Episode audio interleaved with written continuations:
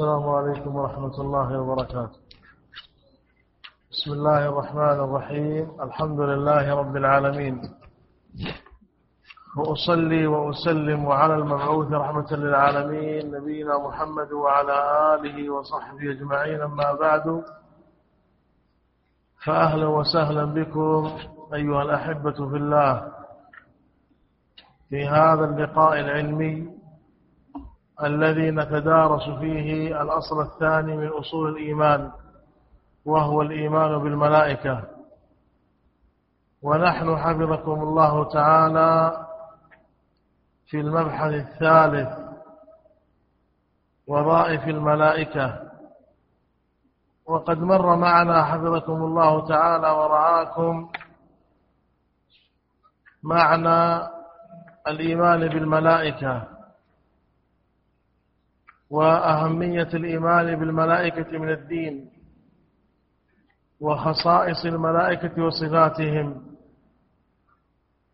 ونحن عند قوله المبحث الثالث وظائف الملائكة. تفضل. بسم الله والحمد لله والصلاة والسلام على رسول الله وعلى آله وصحبه ومن والاه. أما بعد فهذه قراءة في كتاب أصول الإيمان في ضوء الكتاب والسنة لنخبة من العلماء. المبحث الثالث وظائف الملائكة. الملائكة جند من جنود الله تعالى. أسند الله إليهم كثيرا من الأعمال الجليلة والوظائف الكبيرة وأعطاهم القدرة على تأديتها على أكمل وجه. وهم بحسب ما هيأهم الله تعالى له ووكلهم به على أقسام. فمنهم الموكل بالوحي من الله تعالى إلى نعم. رسل. يمكن حفظكم الله أن نقسم أعمال الملائكة عليهم السلام إلى قسمين.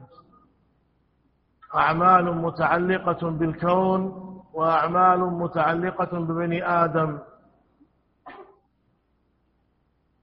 وظائف الملائكة وأعمالهم التي وكلهم الله عز وجل بها تنقسم إلى قسمين.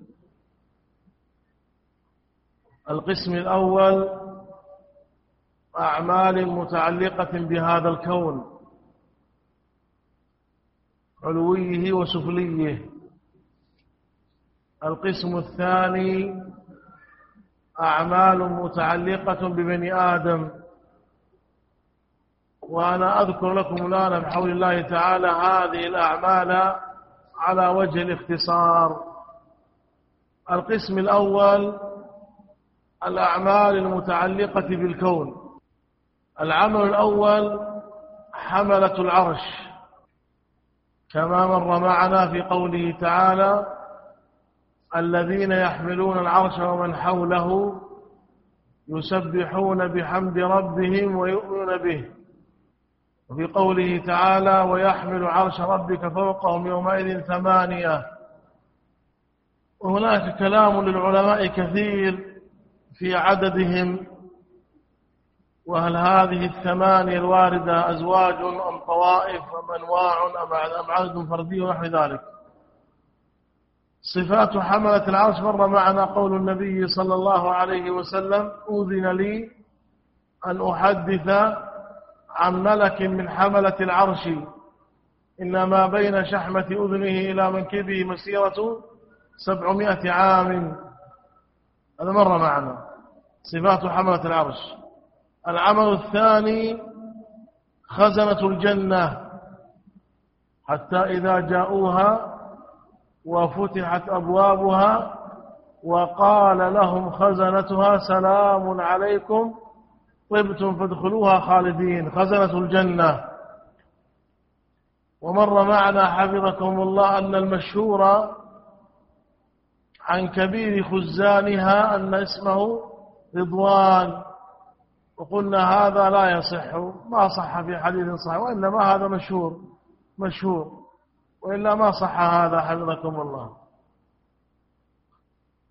العمل الثالث حفظكم الله خزنة النار. وخزنة النار أعداد هائلة لا يحصيها إلا الله عز وجل. ولكن كبار خزنتها تسعة عشر. كما قال الله عز وجل عليها تسعة عشر. وكبير خزانها اسمه مالك. ونادوا يا مالك ليقضي علينا ربك. وفي الحديث رأيت مالكا خازن النار. العمل الرابع الموكلون بالسحاب والقطر.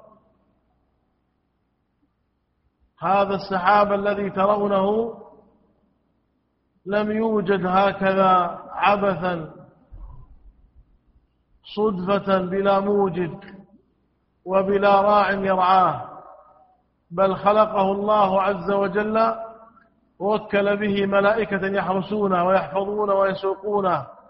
قال بعض العلماء الملائكة يسوقون السحاب في السماء كما يسوق الراعي غنمه.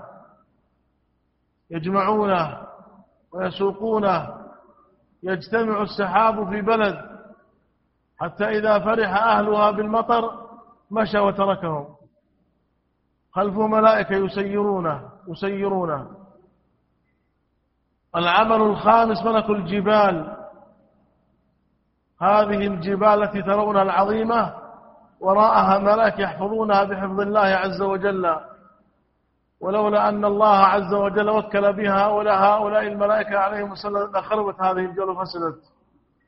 وتعرفون قصة ملك الجبال مع النبي صلى الله عليه وآله وسلم لما رد عليه قوم ردا سيئا فخرج صلى الله عليه وسلم حزينا فلم يستفق إلا في مكان خارج مكة يقال له قم الثعالب فإذا سحابة قد أظلت النبي صلى الله عليه وسلم فإذا جبريل يسلم على النبي صلى الله عليه وآله وسلم ويقول هذا ملك الجبال فسلم على النبي صلى الله عليه وآله وسلم قال لقد سمع الله كلام قومك لك فإن شئت أن يطلق عليهم الأخشبين.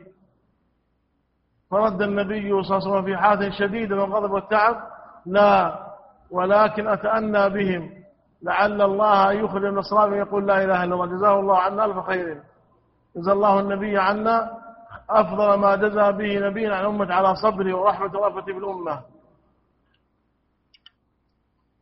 كذلك حفظكم الله الملك الموكل بالنفخ في الصور من أعمالهم الكونية والصور قرن عظيم ينفخ فيه إيذانا بانتهاء العالم الحياة الدنيا تنتهي بالنفخ في الصور. واختلف العلماء رحمهم الله تعالى في عدد هذه النفخات. فقيل نفختين وقيل ثلاث نفخات. نفخة الصعق ونفخة الموت ونفخة البعث. والصور قرن عظيم ينفخ فيه. والمشهور كما مر معنا أن النافخ فيه إسرافيل عليه السلام. لكن هذا لم يرد في حديث صحيح لم يرد في حديث صحيح. من أعمالهم الكونية كذلك أعمال بعض الملائكة الحافين بمكة والمدينة. مكة والمدينة سخر الله لها ملائكة يحفظونها يحفظونها من الدجال ويحفظونها من الطاعون. ولذلك قال النبي المدينة حرم من عير إلى ثور. من أحدث فيها حدثا أو آوى فيها محدثا فعليه لعنة الله والملائكة والناس أجمعين. لا يقبل الله منه صرف صرفا ولا عدلا لا نافلة ولا فريضة وهم يمنعون الدجال من دخولها بالسيوف وسطا في أيديهم وكذلك الطاعون لا يدخلها. كذلك سخر الله ملائكة للشام قال إن الملائكة باسطة أجنحتها على الشام لأنه في بيت المقدس. وأعمالهم كثيرة جدا حفظكم الله. كما قال ابن القيم رحمه الله ما من حركة في هذا الكون علوي وسفلي له خلفها ملك. فالرياح لها ملائكة والسحاب له ملائكة والدول والزراع لها ملائكة. القسم الثاني حفظكم الله أعمال الملائكة المتعلقة ببني آدم. أعمال الملائكة المتعلقة ببني آدم. أعظم عمل هو الذي ذكره المصنفون فقال ومنهم الموكل بالوحي. أعظم عمل السفارة بين الله وبين عباده بني آدم. هذا أعظم عمل من أعمال المتعلقة ببني آدم السفارة بين الله عز وجل وبين عباده من بني آدم. قال تعالى بأيدي سفرة كرام بررة جاعل الملائكة رسلا. الله يصطفي من الملائكة رسلا من الناس. العمل الثاني كتابة الحسنات والسيئات. قال الله تعالى ما يلفظ من قول إلا لديه رقيب عتيد. وقال تعالى كراما كاتبين يعلمون ما تفعلون. وكل الله لكل إنسان بملكين كريمين. أحدهما عن شماله والآخر عن يمينه. صاحب اليمين يكتب الحسنات وصاحب الشرك والسيئات. ومن فضل الله علينا أن صاحب اليمين أمير على صاحب الشمال. فإذا فعل العبد المؤمن الحسنة كتبها صاحب اليمين مباشرة. وإذا فعل العبد المؤمن سيئة قال انتظر لا تكتبها. لعله يراجع نفسه لعله يحدث توبة لعله يحدث حسنة. وهذا من فضل الله عز وجل علينا. قوله تعالى رقيب عتيد هذه صفتان للملكين وليس بأسماء. ما يلفظ من قول إلا لديه رقيب عتيد. هل هي أسماء أم صفات؟ هذه صفات للملائكة وليست بأسماء صفات. صاحب اليمين رقيب عتيد وصاحب الشمال كذلك رقيب عتيد. ماذا تكتب الملائكة؟ الملائكة تكتب كل شيء. تكتب أعمال الجوارح وتكتب ألفاظ اللسان وتكتب كذلك وساوس القلب وخطراته أفعال القلوب كالحب في الله البغض في الله كالخشية الإنابة الرهبة الرغبة التوكل الرجاء الخوف الإخلاص. وتكتب كذلك آثاركم آثار بني آدم كل عمل صالح تسبب به المؤمن في حياته تكتبه الملائكة إذا وقع له في صحائفه تكتبه. فكل عمل صالح يكتبه ليفعله تسبب به المسلم في حياته تكتبه الملائكة له بعد وفاته في صحائفه له. إذا مات ابن آدم انقطع عمله إلا من ثلاث. علم ينتفع به من بعده ولد صالح له صدقة جارية. كذلك من أعمال الملائكة تلق بني آدم حفظ بني آدم. حفظ بني آدم. قال الله تعالى له معقبات من بين يديه ومن خلفه يحفظونه من أمر الله. أمامك ملائكة وخلفك ملائكة يدفعون الشر عنك. وهذا الحفظ قد يكون بسبب منك أو بلا سبب. يحفظونك من أمر الله. فإذا أراد الله عز وجل أن يوقع بك قدرا كونيا نزل رسول من السماء لهؤلاء الحفظة خلوا عنه خلوا عنه حتى يقع. وهذا حفظكم الله إجابة لسؤال يتبادل للذهن كثيرا. ترى إنسان يصاب بمصيبة كونية. السنة الكونية تقول إذا وقع حادث بسيارة مثلا سيارة وقع فيها حادث. السنة تقول أضعف القوم يموت لكننا نرى أقواهم يموت وأضعفهم يسلم. سيارتان اصطدمتا فيها طفل رضيع صغير وفيها إنسان قوي جدا. الطفل الرضيع نجا وسلم والقوي جدا مات. مع أن السنة الكونية تقول لا بد أن يموت الضعيف ويسلم القوي السنة الكونية العادية. إذا هذا حفظه الله ما أرى ما كفى بالقدر كفى بالموت حافظا وكفى بالأجل حافظا. ما جاء أجله فحفظته الملائكة تحفظه الملائكة وتحوطه حتى يأتي أجل الله فيخلى عنه. فالإنسان حفظكم الله بين ملائكة له معقبات من بين يديه ومن خلف حضور من معه ملائكة ملازمون له. هؤلاء المعقبات يعني بعض يسلم الدور لبعض.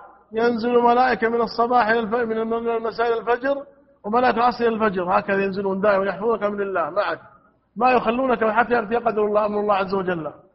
فتترك لقضاء الله وقد يكون هذا الحفظ بسبب منك. الحرص على الأذكار الشرعية آية الكرسي مثلا. ما ينزل ملك من السماء يحفظك حتى تصبح. من قرأت الكرسي عند نومه. نزل له ملك من السماء يحفظه حتى يصبح. الأذكار قال العلماء الأذكار حصن حصين. هناك عمل عجيب للملائكة لا يخطر على بال أبدا وهو أن الله عز وجل قد وكل لكل إنسان ملكا يأمره بالخير ويحذره من الشر. قرين. كل مسلم له كل إنسان على وجه الأرض له قرين. هذا القرين مقابل القرين الشيطاني. إذا الإنسان بين كم قرين؟ بين قرينين. قرين من الملائكة وقرين من الشياطين. أما قرين الملائكة فيدعوه للخير. أما قرين الشياطين فيدعوه للشر. ولذلك أحيانا تسمع ندوة تجري في رأسك ندوة ندوة تقام ندوة من ثلاثة أشخاص. شخص متردد أيفعل الشر أم يتركه؟ أيفعل الخير أم يتركه؟ وشخص آخر يكلمك كلاما عاديا يقول افعل الخير قم افعل اترك الشر. والثالث يقول لا تفعل الخير افعل الشر. حتى بعض الناس يقول أنا عندي وسواس خطير جدا وأسمع أناسا يكلمونني. هذا كلام حقيقي ليس بوسواس كلام حقيقي. في صحيح مسلم ما منكم إلا وقد وكل الله به قريب من الملك من الشياطين. هذا يعني من فضل الله علينا أن الله ما أسلمنا للشياطين أبدا. داعي الخير معك 24 ساعة يدعوك الخير. وقال قرينه هذا ما لدي عتيد ألقيا في جهنم كل كفار عن هذا قرين الملائكة. الآخر قال قرينه ربنا ما أطغيت ولكن كان في ضلال بعيد. هذا قرين من؟ قرين الشياطين. إذا حفظكم الله في الحديث قلنا في صحيح مسلم يقول النبي صلى الله عليه وسلم ما منكم من أحد إلا وقد وكل به قرينه من الجن وقرينه من الملائكة. قالوا وإياك يا رسول الله. قال وإياي إلا أن الله أعانني عليه فأسلم. الجني المصاحب للنبي صلى الله عليه وسلم. قال فلا يأمرون إلا بخير. رواه مسلم في كتاب الإسلام المنافقين وأحكامهم. إذا حفظكم الله يعني إذا عرفت هذا العمل الذي تقوم بالملك الكرام زال عنك الإشكال ما هذا الوسواس الذي في رأسي. داعي الخير دائما ملازم لي افعل افعل افعل. وداعي الشر ملازم لي دائما. نقول هذا شيء حقيقي ليس بمجازي. ملك يأمرك بالخير وشيطان يأمرك بالشر وأنت مخير. إن شئت هذا هذا. إذا هذا أمر حقيقي وهذا الأمر لا لا يخطر على بال الحقيقة. كذلك من أعمال الملائكة تدبير أمر النطفة في الرحم. تدبير أمر النطفة في الرحم ينقلونها من طور إلى طور ويحفظونها بأمر الله عز وجل. من أعمالهم كذلك قبض أرواحهم عند الموت. من أعمالهم كذلك قبض أرواح المؤمن عند الموت. وقلنا لا يصح حفظكم الله تسمية ملك الموت عزرائيل هذا لا يصح.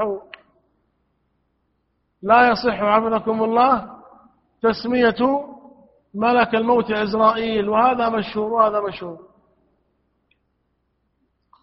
من أعمال الملائكة كذلك المتعلقة ببني آدم سؤال الناس في قبورهم. وقلنا صح عن النبي صلى الله عليه وسلم أن اسم فتاني القبر المنكر والنكير المنكر. والنكير وأنهما غلاظ شداد أسودان أزرقان. لهما قدرة على الدخول في القبر وسؤال الميت فترد له روحه من ربك وما دينك ومن نبيك. يقال أحدهما المنكر وقال الآخر النكير هذا ثابت عن النبي صلى الله عليه وآله وسلم. من أعمال الملائكة كذلك تبليغ سلام مسلم على النبي صلى الله عليه وسلم. تبليغ النبي صلى الله عليه وآله وسلم. سلام المسلم عليه. جاء في الحديث يقول النبي صلى الله عليه وسلم إن لله ملائكة سياحة يبلغوني عن أمة السلام. وفي الحديث الآخر فإن صلاتكم تبلغني حيث كنتم. كلاهما عند الإمام أحمد بلسان صحيح. إن لله ملائكة سياحة يبلغوني عن أمة السلام والآخر صلوا علي فإن صلاتكم تبلغني حيث كنتم. فمن صلى على النبي صلى الله عليه وآله وسلم حملت ذلك الملائكة الموكلون بذلك.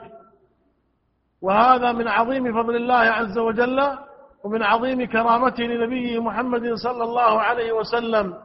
إن الله وملائكته يصلون على النبي.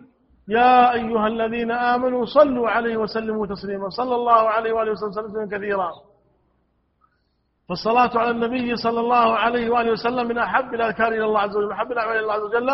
ولذلك فقد وكل الله بها ملائكة تحملها ملائكة يكتبونها وملائكة تحملها. ولذلك الآن حفظكم الله بعض طلاب الجامع يسأل وبعض المعتمرين يسأل كذا يقول أهلنا لما أردنا القدوم إلى المدينة أوصونا قالوا سلم على رسول الله صلى الله عليه وسلم.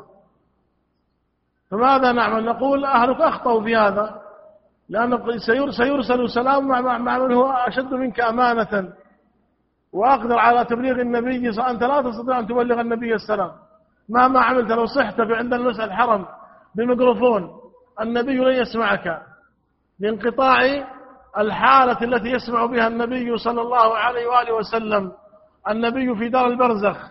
ما يسمع إلا كلام الملائكة. الملائكة عندها قدرة دخول دار البرزخ عندها قدرة. فتحمل الملائكة عليه السلام سلام المسلم وصلاته على النبي صلى الله عليه وسلم. وتقول فلان ابن فلان يسلم عليك فيرد النبي صلى الله عليه وآله وسلم السلام. كذلك من أعمالهم الملائكة الموكلون بالمساجد يوم الجمعة. تعرفون الحديث؟ من راح في الساعة الأولى ومن راح في الساعة الثانية. كذلك ملائكة موكلون بمجالس العلم. ونحن نعتقد هذا أن المسجد مليء بالملائكة المسجد مليء بالملائكة الآن. لا نراهم لا نراهم. لكن هم يروننا ويسمعون كلامنا ويعرفون حتى ما في قلوبهم. كان هذا المجلس خالصا لله كتبوه في صحائف أعمالنا الحسنة. إن كان غير لك في سيئاتنا. الآن معنا يسمعون. والله الذي لا نعتقد هذا اعتقادا جازما. هناك أعمال كثيرة قامت بها الملائكة كصحبتهم للأنبياء وصحبتهم لآدم لكن قوم لوط حملهم التابوت لبني إسرائيل. أعمال كثيرة لكن هذه أهمها هذه أهمها.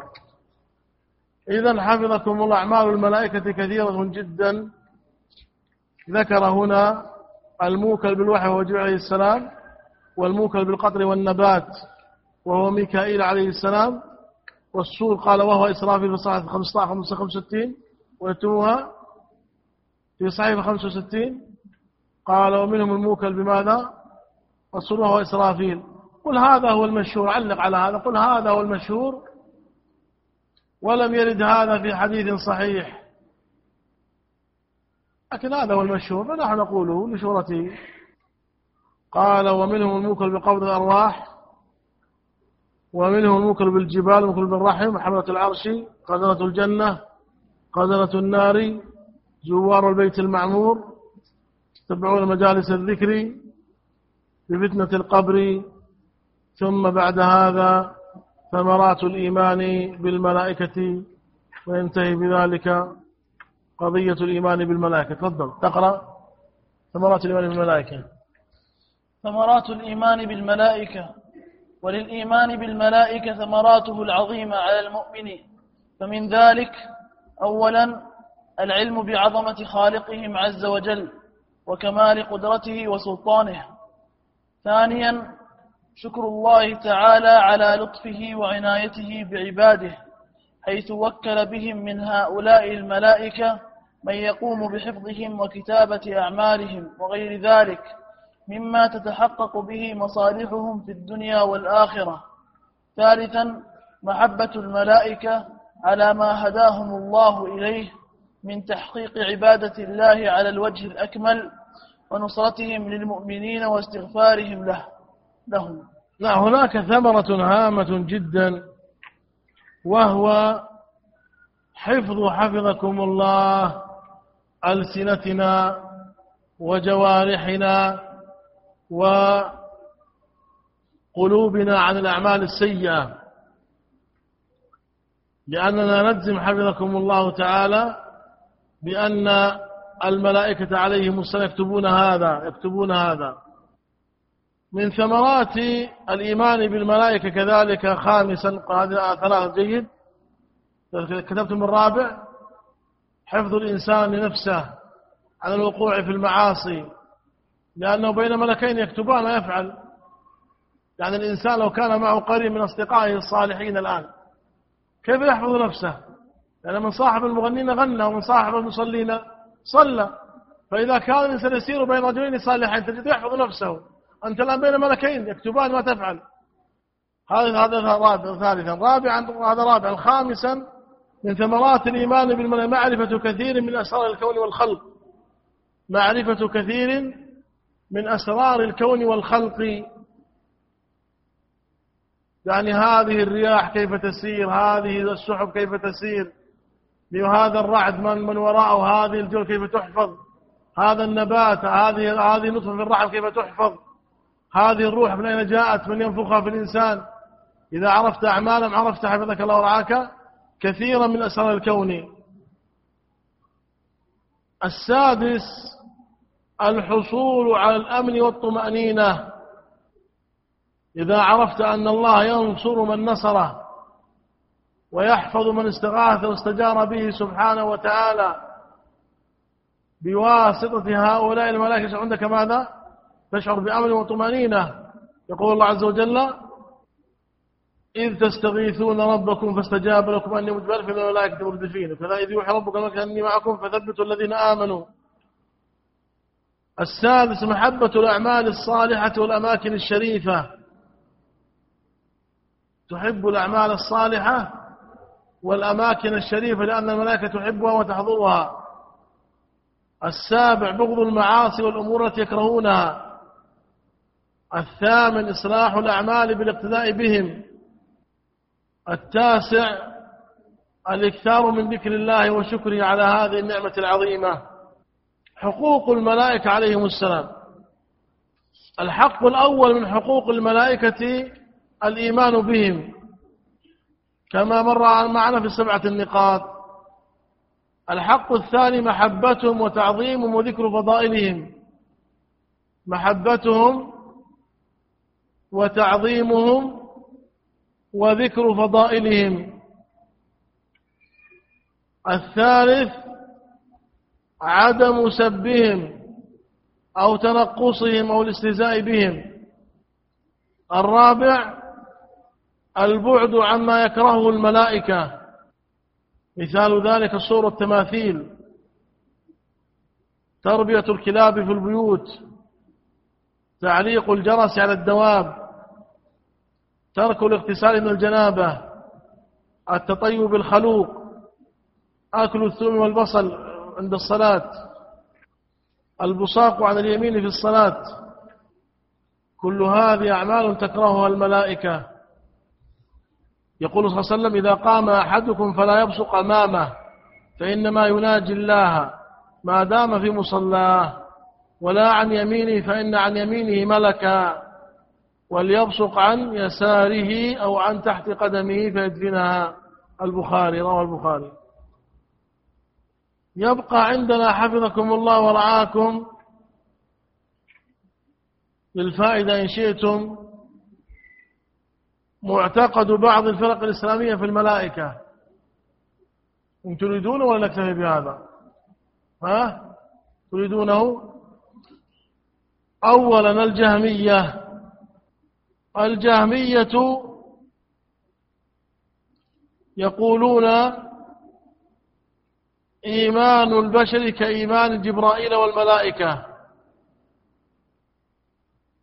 وأنكرت الجهمية الكرام الكاتبين. وأنكروا كذلك عذاب القبر ونعيمه والملائكة الموكلين به. وأنكروا ملك الموت الذي يقبض الأرواح. المعتزلة. يرى الملائكة يرى المعتزلة أن الملائكة لها إرادة وقدرة على المعصية. المعتزلة يقولون الملائكة لها قدرة على المعصية. ويقولون الملائكة لا ترى كالجن. ويقولون لهم قدرة على التشكل بشكل الإنسان والحيوان والطير. وأنكر بعضهم عذاب القبر والملائكة المنكرين به. الأشاعرة والماتريدية.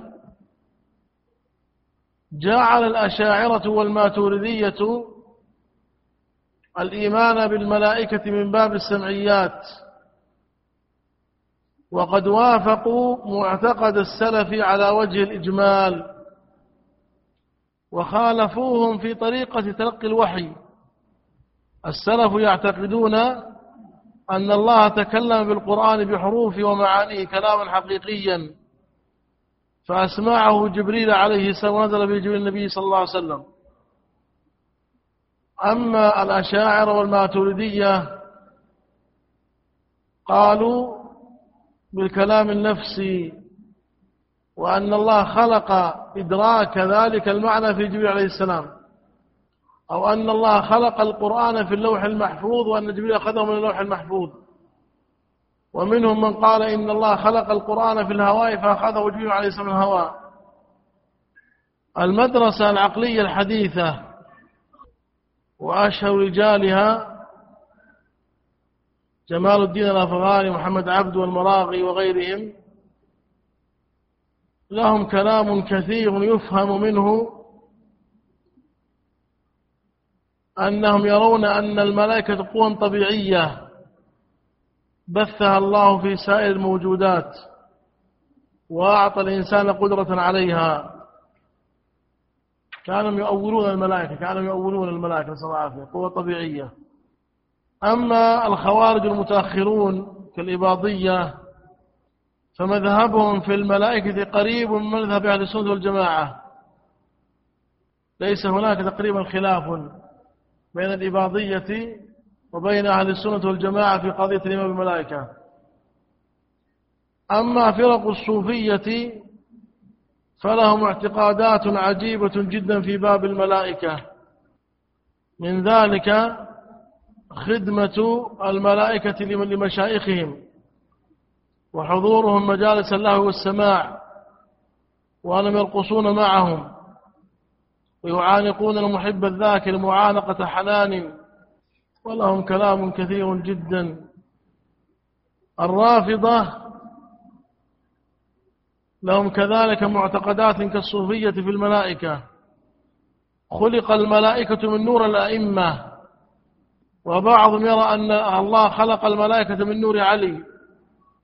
ويقولون إن الملائكة خدامنا وخدام محبينا. يقول شاعرهم لا أستطيع مدح إمام كان جبريل خادما لأبيه. وفضلوا الأئمة على الملائكة. يقول المتأخر الهالك منهم من ضرورات مذهبنا أن لأئمتنا منزلة لا يبلغها ملك مقرب ولا نبي مرسل. معتقد الباطنية في الملائكة.